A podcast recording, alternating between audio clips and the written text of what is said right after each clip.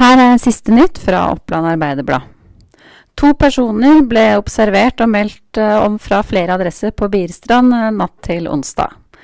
Geir Henning Svelle sier til OA at han observerte personen i 03-tida, og at han i dag tidlig fant tyvegods i søppelskuret sitt.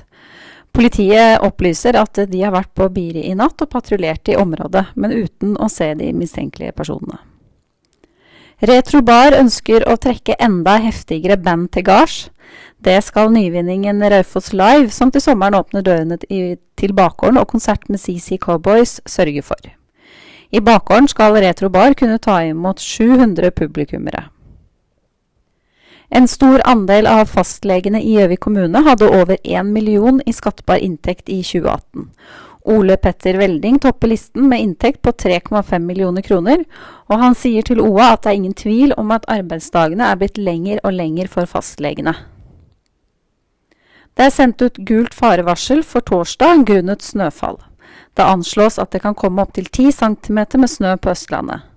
Og til helga er det spådd ned mot 10 kuldegrader flere steder i Vest-Oppland. Og det var siste nytt med Oppland Arbeiderblad.